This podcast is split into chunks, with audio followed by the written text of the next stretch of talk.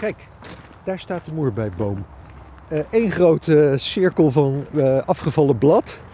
Nou, dat is echt gewoon in één, ja, één nacht eigenlijk gebeurd. Is echt prachtig. Afgelopen week Ja, is dit gebeurd. Wacht, en als je dan zo'n blad erbij pakt, dan liggen er genoeg. Wat een joekels van bladeren zeg. Joekels van bladeren, ja. Daar zit Ongelooflijk, voedsel in. Ja.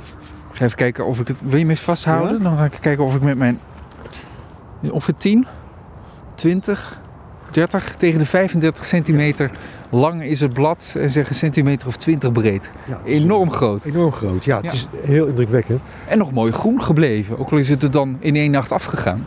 Ja, het is wonderlijk. Ik zie wel wat bruine verkleuring hier en daar, maar het meeste is gewoon nog, nog fris groen. Je, je snapt het gewoon niet. Ja, ja dat, dat, dat is gewoon een verschijnsel wat kennelijk een, eh, ja, in één nacht kan gebeuren. Wauw.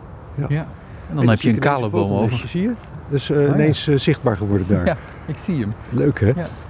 Ja. vogels zijn nou ook beter te zien. Hè? Dat is, is gewoon een mooie tijd. Blaadjes eraf. Vogels hebben dan niet zoveel schuilplekken meer. Eh, hier zie je ook heel vaak eh, het roodborstje. Dit, dit zijn kleine territoria van roodborstjes. Die zitten dan vaak op die paaltjes hier. Het zijn paaltjes met nummers. En dan zit hij je uit te dagen, lijkt het wel. Hij, hij Het zijn vrege vogeltjes hè? en niet Ja. bang voor mensen. Niet bang voor mensen. Nee. Volgens mij ook niet bang voor elkaar, want ze kunnen enorm vechten met Ja, elkaar. precies. Ze dulden elkaar niet, toch? Ze zijn enorm territoriaal, geloof ik. Was er niet ook een verhaal van eh, dat eh, de vogeltjes die je in de zomer ziet anders zijn dan de vogels in de winter? Omdat Ja. ze elkaar eigenlijk aflossen. Ja, dat is met veel vogelsoorten zo. Onze eigen vogels die trekken weg. Die gaan naar warmere oorden. En vanuit Oost-Europa, of misschien zelfs vanuit Noord-Europa, komen eh, bijvoorbeeld roofvogels ook weer deze kant op. En bij roodborstjes is dat inderdaad ook het geval. Ja. Hey, we, we hebben het ook een beetje over de winterrust vanochtend. Nou, voorbeeld is deze boom. Die laat een blad vallen. Dat is omdat hij in die ruststand gaat. Dan ben jij hier betrokken bij de Hogeschool van Hal Larenstein.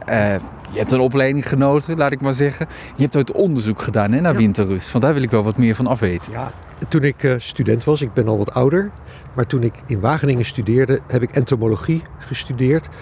Eh, en daar deed ik onderzoek met een eh, collega naar de winterrust van het heidehaantje.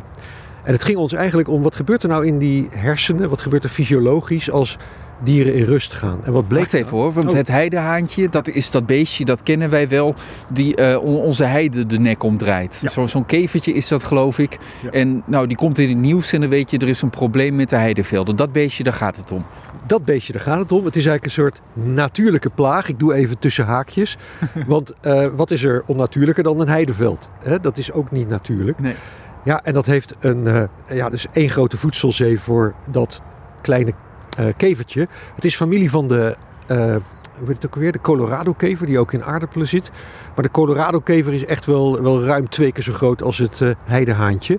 Hij heeft een, eh, een beetje goud schildje. Groen-goudig schildje. Ik vind hem best mooi. Beetje dikke poten. Eh, hij heet in het Latijn Logmea suturalis. Hè, misschien kunnen sommige luisteraars dat even opzoeken. Er komen weer herinneringen bij jou naar boven hè, uit de studententijd, ik zie het. Oh, het was heel mooi. Want we gingen dan op de Ginkelse hei, gingen we Bij Ede. bij Ede, gingen we eh, ja, op die eh, oefenterreinen van Defensie, waar we toestemming voor hadden, eh, gingen we het schepnet de, de beesten vangen. Maar op een gegeven moment werkte de schepnetten niet, want dan, op een gegeven moment zaten ze allemaal in winterrust. Maar het was wel te vinden, ze waren te vinden omdat er altijd een paar beschimmelden. Dus die waren wit. Dus dan als je tussen die plantjes ging, dan zag je zo'n heel zo'n front van waar de eh, populatie eigenlijk gestopt was in de winter en die ging dan in winterrust. Wat wij dan deden, we namen ze mee naar het laboratorium en dan gingen we kijken eh, wat er gebeurde in de hersenen en in de hypofyse. Want op de kop van het heidehaantje zit een oogje, een doorzichtige plek, waar ze een soort ja, registratie van de daglengte hebben. En dat valt op de hersenstam en dat werkt door in de hypofyse. Dat zijn twee kleine kliertjes. En we konden gewoon vinden dat, eh, ja, we, deden ze in eh, allerlei klimaatkamers. En je kon gewoon zien dat als eh, ze in winterrust waren, dan krompen die hypofyse dingetjes. Werden ze weer actief hè, door warmere temperaturen of door meer licht. Dan begonnen die weer te groeien. En, en dat zie je dus nou niet gewoon buiten, maar dat is bij alle dieren die in winterrust gaan, is dat bezig. Eh, gevoeligheid voor daglengte, gevoeligheid voor de warmtesom noemen ze dat. Dus de hoeveelheid warmte. Heb jij zelf wat met de winterrust? Ja, ik associeer het met eh, gezelligheid, met eh, lichtjes.